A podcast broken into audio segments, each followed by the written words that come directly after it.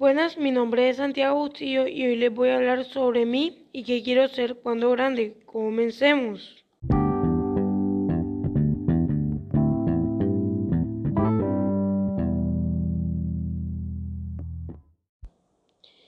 Bueno, mi nombre completo es Santiago Andrés Bustillo Rodríguez.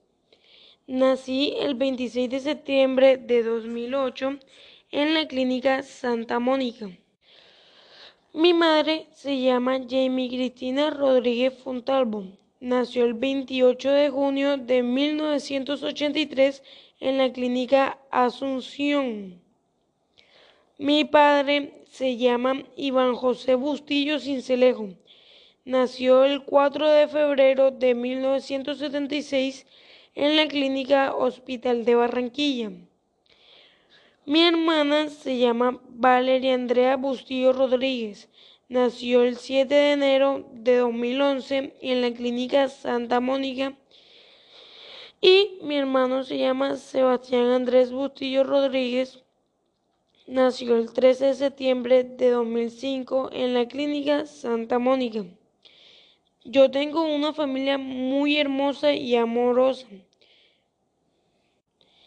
Me considero un niño fuerte, independiente, lindo y toda mi familia es de Barranquilla, incluyéndome.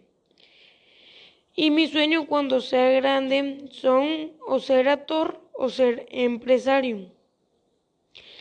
Eh, me gustaría mucho estos dos trabajos porque los considero una fuente de ingresos y me gustaría realizar alguno de los dos.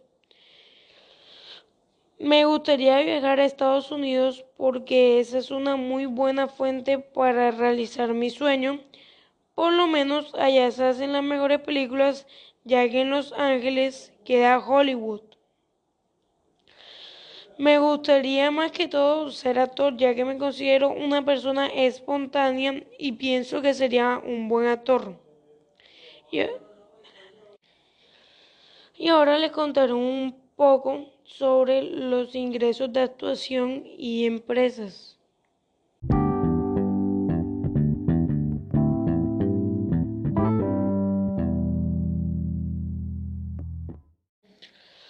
Primero, actuación.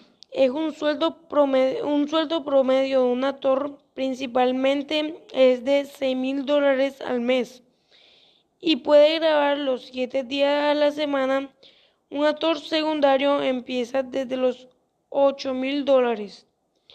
Algunos con participación regular cobran por día de rodaje y depende de la cantidad de escenas. 2. Empresarios.